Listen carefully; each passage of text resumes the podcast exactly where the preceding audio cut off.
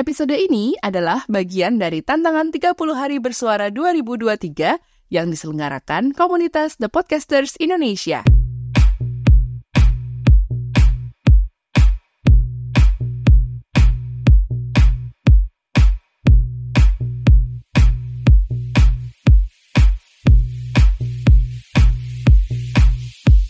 Assalamualaikum warahmatullahi wabarakatuh Ibu-ibu, apa kabarnya? Hey, udah dua minggu nih di bulan Desember. Gimana rasanya? Semoga nggak bikin stres ya mikirin resolusi tahun baru. Santuy aja bu, santuy. Ya. Karena kalau dipikir-pikir banget-banget gitu Nanti takutnya malah jadi overthinking. Dan kalau udah overthinking gitu Nanti malah jatuhnya bikin kita stres dan ini tentu nggak baik ya buat kesehatan, ya kesehatan tubuh ataupun kesehatan jiwa. Udah banyak loh orang-orang yang kena emah atau asam lambungnya naik atau GERD gitu ya. Ternyata penyebab awalnya adalah stres. Dan ada juga kan orang-orang yang karena stresnya itu berlarut-larut, jadi agak terganggu tuh kesehatan mentalnya. Aku bukannya mau nakut-nakutin loh bu, nggak loh ini ya. Tapi memang kadang kalau stres kita itu nggak segera ditangani, bisa jadi memicu gangguan-gangguan atau disorder yang lain gitu. Tapi ya memang nggak bisa dipungkiri ya kalau stres ini tuh jadi kayak hal yang lumrah gitu loh. Lumrah aja gitu stres itu datang dan pergi kayak jelangkung gitu ya. Datang nggak dijemput, pulang nggak diantar. Karena memang banyak faktor yang berperan sebagai penyebabnya. Nah, kira-kira kalau ibu lagi stres gitu, apa sih yang ibu lakukan biar stresnya mereda, biar nggak stres lagi gitu maksudnya. Nah, untuk menghalau stres ini, kira-kira ibu punya jurus jitunya nggak? Dengerin podcast Bu Ibu ini barangkali caranya. Mudah-mudahan ya. Ya wes, kalau gitu aku akan temenin ibu untuk melepaskan stres hari ini. Tentu aja dalam podcast Bu Ibu bareng aku, Ibu Inung. Podcast Bu Ibu. Podcast Bu Ibu by Ibu Inung. Podcast Bu Ibu by Ibu Inung.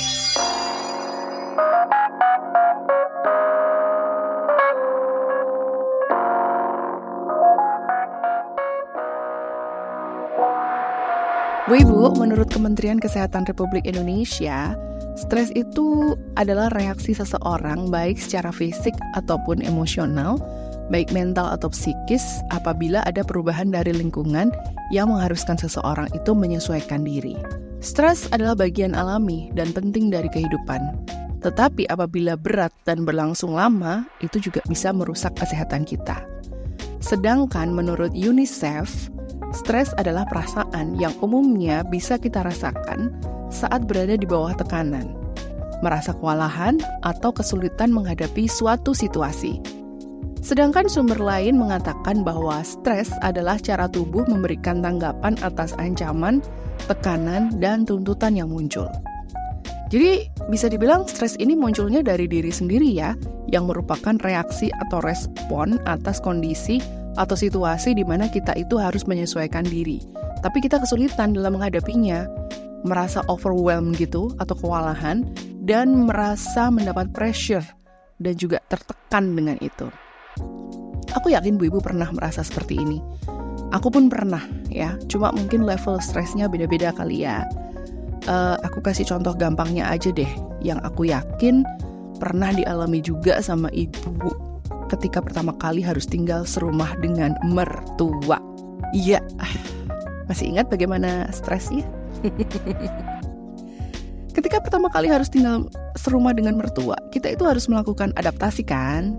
Harus menyesuaikan diri dengan segala sesuatunya dong ya. Misalnya menyesuaikan diri dengan pola hidupnya, dengan kebiasaan-kebiasaan yang dilakukan di situ, cara berkomunikasinya juga, sampai hal-hal yang menyangkut personal life gitu loh kita nggak mungkin dong hidup sesukanya kita sama seperti saat kita masih hidup bareng orang tua sendiri, ya kan? Pasti ada banyak hal yang uh, mungkin harus dikurangi, terus mungkin juga dikompromikan, bahkan mungkin harus diubah setelah tinggal bersama mertua gitu. Dan kalau kita nggak bisa memanage itu, ya bisa-bisa kita stres gitu loh. Bahkan hal sepele pun kalau misalnya jadi perbedaan yang mendasar itu juga bisa menimbulkan situasi yang bikin stres gitu. Tapi ingat ya Bu ya, ingat ya, yang stres mungkin gak cuman kita doang. Bisa jadi mertua juga stres dengan keadaan ini. Jadi please jangan playing victim dulu ya Bu ya. aku cuma ngasih contoh bahwa hal itu tuh ternyata juga sempat bikin stres aku gitu loh. Gitu ya. Itu salah satu contoh. Masih banyak hal lain. Kenapa sih kok kita bisa stres? Apa penyebabnya? Apa ada hubungannya dengan overthinking? Atau mungkin ada hubungannya dengan trauma di masa lalu? Dan kira-kira bisa sembuh nggak sih stres ini? Atau paling nggak, gimana sih cara menghindarinya? Apa kalau stres itu tandanya kita suka ngomong sendiri atau ketawa-ketawa sendiri? Atau justru sebaliknya, suka tiba-tiba nangis sendiri atau marah-marah nggak jelas gitu? Bu Ibu, dari seorang dokter bernama Pitara Pansawira diperoleh info bahwa ketika menghadapi stres, tubuh itu akan melepaskan hormon adrenalin dan kortisol. Kondisi ini membuat detak jantung dan tekanan darah itu akan meningkat, pernafasan menjadi lebih cepat, dan otot menjadi tegang. Apakah ini berbahaya buat tubuh? Ya, berbahaya jika berlangsung dalam waktu lama. Kapan bisa disebut lama atau sebentar?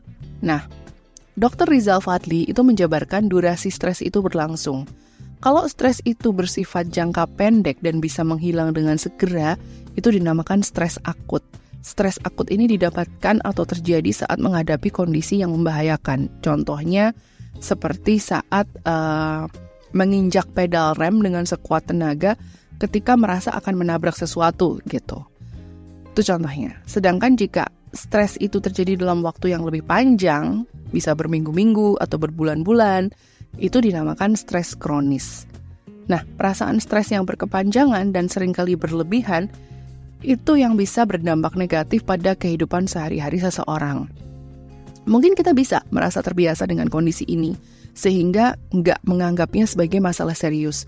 Tapi kalau kita tidak menemukan cara yang terbaik buat mengendalikannya, justru akan backstabbing kita, ini akan memicu banyak masalah kesehatan gitu loh.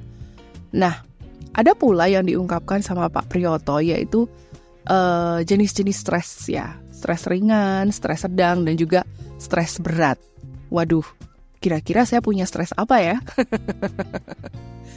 Stres ringan itu adalah stresor yang dihadapi setiap orang secara teratur, seperti misalnya banyak tidur, atau uh, kemacetan lalu lintas atau misalnya kritik dari atasan, dari bos gitu. Nah, situasi stres ringan itu hanya berlangsung beberapa menit atau beberapa jam aja. Makanya disebut ringan. Dan ciri-ciri stres ringan itu apa ya? Semangatnya meningkat. Penglihatannya jadi tajam, energinya meningkat, tapi cadangan energinya menurun kemampuan menyelesaikan pelajaran atau pekerjaan itu jadi meningkat, tapi bisa merasa letih atau capek tanpa sebab. Dan kadang-kadang terdapat gangguan sistem di pencernaan, di otak, bahkan membuat perasaan itu nggak santai. Tapi ternyata stres ringan ini berguna loh, karena bisa memacu seseorang buat berpikir dan berusaha lebih tangguh buat menghadapi tantangan hidup gitu loh.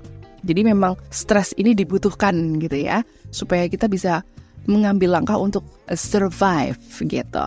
Sementara itu, stres sedang tentunya berlangsung lebih lama daripada stres ringan. Nah, penyebab stres sedang sendiri yaitu situasi yang tidak terselesaikan dengan rekan contohnya ya. Jadi kamu punya konflik. Jadi ibu punya konflik sama temen misalnya atau konflik sama tetangga misalnya dan itu bikin stres ya. Atau misalnya ketika anak sedang sakit. Nah, gimana cemasnya ibu ya kan? Nah, itu termasuk dalam stres sedang. Atau misalnya ketidakhadiran yang lama dari anggota keluarga ya dalam artian gini kok aku nggak pernah lihat si sepupuku lagi ya? Kayak gitu. Kalau misalnya lagi ada kumpulan-kumpulan keluarga kok dia nggak pernah datang ya? Nah jadi kita kita merasa ada kekhawatiran gitu. Ada apa sih dengan dia? Misalnya kayak gitu. Nah ciri-ciri stres sedang itu biasanya orang itu mengalami sakit perut mules otot-ototnya terasa tegang perasaannya juga tegang gitu nggak bisa santui gitu ya gangguan tidur tapi badan itu kayak nggak ada tenaganya gitu ringan banget kayak bulu misalnya kayak gitu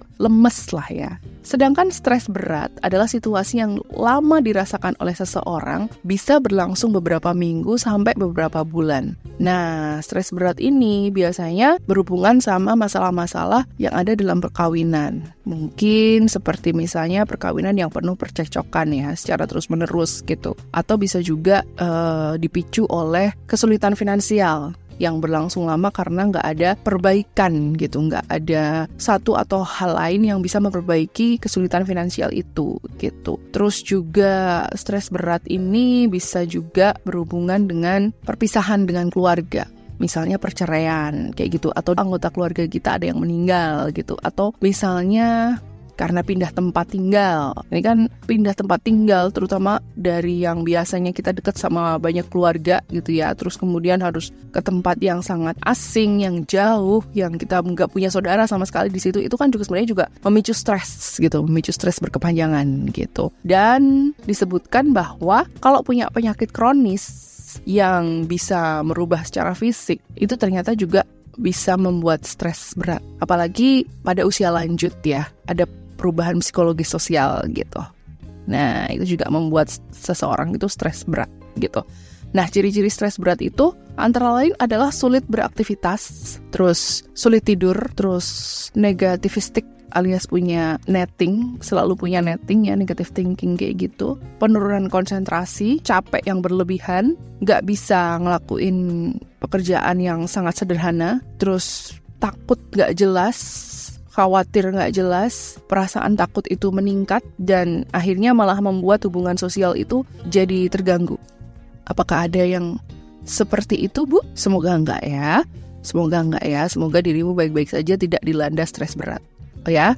Lalu kenapa sih kok orang bisa stres? Apa cuma dialami sama orang dewasa aja? Anak-anak bisakah kena stres? Penyebabnya apa? Uh, macam-macam. Beberapa orang menganggap anak-anak bahkan ya menganggap bahwa ujian sekolah itu juga bisa menyebabkan stres. Tapi mungkin beberapa orang lain ya lancar-lancar aja gitu.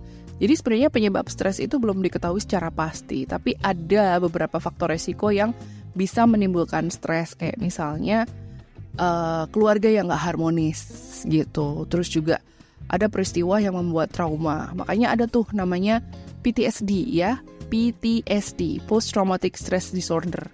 Post Traumatic Stress Disorder alias gangguan stres pasca trauma.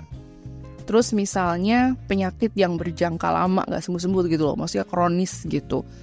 Terus faktor risiko yang menimbulkan stres lain adalah adanya kesenjangan ekonomi, seperti aku bilang sebelumnya, masalah finansial yang berlarut-larut. Bisa juga karena beban pekerjaan yang menumpuk ya, nih yang suka lembur-lembur nih ya. Terus misalnya kejadian buruk gitu ya seperti perceraian atau mungkin PHK kayak gitu. Itu juga bisa membuat stres.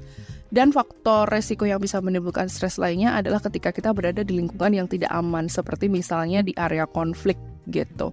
Stres itu bisa dialami anak-anak dan penyebabnya bisa beragam juga, tapi tiga dari yang aku sebutkan sebelumnya itu biasanya menjadi penyebabnya, yaitu keluarga yang gak harmonis, peristiwa yang traumatis, dan lingkungan yang gak aman anak terutama di usianya yang sedang berkembang kalau berada dalam situasi keluarga yang gak harmonis yang isinya bisa jadi banyak pertengkaran ayah ibunya atau bahkan mungkin KDRT tentu akan menimbulkan stres pada dirinya karena dia harus uh, menghadapi itu. Tapi mungkin belum tahu harus apa harus gimana gitu kan. Terus PTSD post traumatic stress disorder itu juga bisa dialami anak-anak karena dia pernah mendapatkan pengalaman traumatis sebelumnya. Misalnya pernah diculik kayak gitu. Tentunya menimbulkan reaksi ke depannya jadi takut bertemu atau berbicara dengan orang asing misalnya gitu kan. Dan lingkungan yang tidak aman itu bisa jadi juga membuat anak stres. Contohnya kayak anak-anak di Palestina sekarang bisa dibilang seluruh Palestina itu adalah wilayah konflik bersenjata ya kan itu tentu membuat stres anak-anak karena bisa aja mereka tertembak sewaktu-waktu, bisa aja mereka disekap sewaktu-waktu, bisa aja terpisah dari orang tuanya kapan aja. Dan itu akhirnya membawa ketakutan tersendiri baginya dan ketakutan-ketakutan nggak mendasar itu juga merupakan salah satu ciri stres, ya kan? Ya, jadi bu ibu tolong lebih perhatian lagi ke anak-anak gitu ya. Jangan sampai anak-anak juga merasakan stres apalagi sampai stres berat, stres kronis kayak gitu. Misalnya tiba-tiba mood swing, hilang nafsu makan, ya kita harus lihat dulu apakah benar stres gitu. Kalau memang bisa segera dibenahi ya dibenahi kayak gitu. Karena seperti mood swing, hilang nafsu makan, itu dua gejala seseorang sudah terkena stres. Apalagi kalau ditambah gejala yang lainnya gitu, seperti misalnya jadi mudah tersinggung, jadi gampang marah, gampang takut, overthinking, terus susah tidur, atau misalnya tiba-tiba ada gangguan pencernaan, GERD gitu, tiba-tiba diare, pusing, mual, mulut kering, nyeri otot, badan gemeter, keringat dingin, itu pun juga termasuk beberapa gejala fisik seseorang kena stres. Lalu harus gimana ngatasinnya? Sebenarnya bisa kok diatasi sendiri dengan manajemen stres. Karena manajemen stres itu uh, bertujuan supaya kita itu bisa tetap beraktivitas seperti biasa, gitu kan. Nah, kira-kira tindakan-tindakan apa aja yang bisa kita lakukan buat mengelola stres ini gitu. Yang pertama, uh, kita bisa mengidentifikasi dulu apa yang jadi penyebabnya gitu loh. Karena dengan mengidentifikasi penyebab stres itu bisa membantu kita untuk tahu apa aja sih faktor yang jadi pemicu munculnya masalah mental ini gitu. Apakah misalnya kondisi rumah atau misalnya hubungan dengan pasangan atau masalah pekerjaan. Jadi kita harus identifikasi dulu masalah utamanya. Nah, kalau sudah, ya cari solusi. Kalau sudah tahu apa yang jadi penyebab stres, cukup cari solusi yang bisa mengatasinya gitu. Mulai dari solusi yang paling gampang aja deh. Misalnya cerita ke orang terdekat. Orang terdekat ibu suami, ya cerita aja. Ibu merasa lebih dekat dengan besti sahabat ibu dari kecil, ya bisa aja cerita ya. Karena stres itu biasanya timbul karena ada masalah-masalah yang menumpuk dan dipendam dipendam, nggak dikeluarkan, nggak di share apa yang jadi masalah itu ke orang lain gitu, nggak bisa, nggak diungkapkan gitu. Jadi nggak ada salahnya untuk coba berbagi masalah yang kita alami ke orang terdekat. At least hal ini itu bisa mengurangi beban yang kita rasakan ketika kita sudah mengeluarkan apa yang ada di unek-unek gitu loh, ya. Beberapa hal lain yang juga disarankan untuk bisa memanage dan mengatasi stres ini adalah meditasi. Meditasi ini disarankan untuk menghilangkan stres yang timbul karena pekerjaan sehari-hari. Meditasi itu teknik relaksasi ya yang dilakukan dalam posisi duduk dengan menghirup napas perlahan serta menutup mata. Posisi ini diketahui bisa memberikan ketenangan batin dan pikiran. Uh, hasilnya, meditasi itu bisa membantu menurunkan ketegangan dan juga stres yang terjadi karena tekanan pekerjaan. Selain itu, aktivitas lain adalah olahraga. Olahraga itu juga disarankan untuk membantu mengatasi stres. Kalau kita melakukan aktivitas fisik yang rutin, itu ternyata bisa menurunkan produksi hormon kortisol yang memicu stres loh ya. Benar, jadi akan membantu mengatasi stres gitu, tergantikan dengan hormon serotonin dan endorfin yang meningkat gitu sehingga bisa menimbulkan perasaan bahagia dan perasaan tenang gitu. Nah, olahraga apa yang disarankan untuk menghilangkan stres? Uh, Bu Ibu bisa ikut yoga atau senam pilates atau senam aerobik. Tapi kalau misalnya Bu Ibu juga senang dengan olahraga-olahraga bela diri boleh, boleh, boleh. Mau taekwondo bisa, pencak silat boleh gitu. Misalnya suka dengan olahraga permainan kayak misalnya badminton atau tenis itu juga boleh, boleh. Apa aja yang penting bisa uh, tersalurkan itu hormon serotonin dan endorfinnya gitu ya. Stres yang tergolong ringan itu memang cukup dialami oleh sebagian orang. Namun ada baiknya juga untuk mengelola stres itu sebaik mungkin karena bisa menjaga kesehatan fisik maupun mental. Karena kalau misalnya didiemin terlalu lama itu bisa mengarah ke komplikasi stres kayak misalnya punya gangguan kepribadian atau personality disorder ya, jadi kayak bipolar kayak gitu-gitu. Terus komplikasi lainnya mengarah ke kecemasan yang berlebihan atau anxiety gitu sampai akhirnya depresi kan nggak mau kan kayak gitu gitu. Dan uh, ada juga komplikasi lain yang uh, menyerang secara fisik. Misalnya, uh, ibu jadi seseorang yang punya binge eating disorder, jadi uh, gangguan makan sekaligus gitu loh. Pengen makan banyak tapi dalam waktu sekaligus, tapi habis itu nggak pengen makan lagi, kayak gitu. Atau malah justru uh, mengarah ke obesitas. Bisa jadi seperti itu. Dan yang sering nih, yang sering terjadi nih sama teman-teman saya juga itu adalah mereka pada kena GERD ya. GERD gangguan pencernaan itu. Ya, itu tuh itu parah itu. Terus untuk perempuan nih, untuk wanita-wanita, kadang stres itu justru juga berpengaruh ke personal appearance kita ya. Jadi kita jadi jerawatan, terus rambut rontok kayak gitu, terus kulitnya besisik kayak gitu-gitu. Terus kadang juga berpengaruh pada periode menstruasi yang gak teratur. Nah ini makanya please jangan sampai stres yang berlebihan gitu, jangan sampai stres yang berat gitu ya bu ya.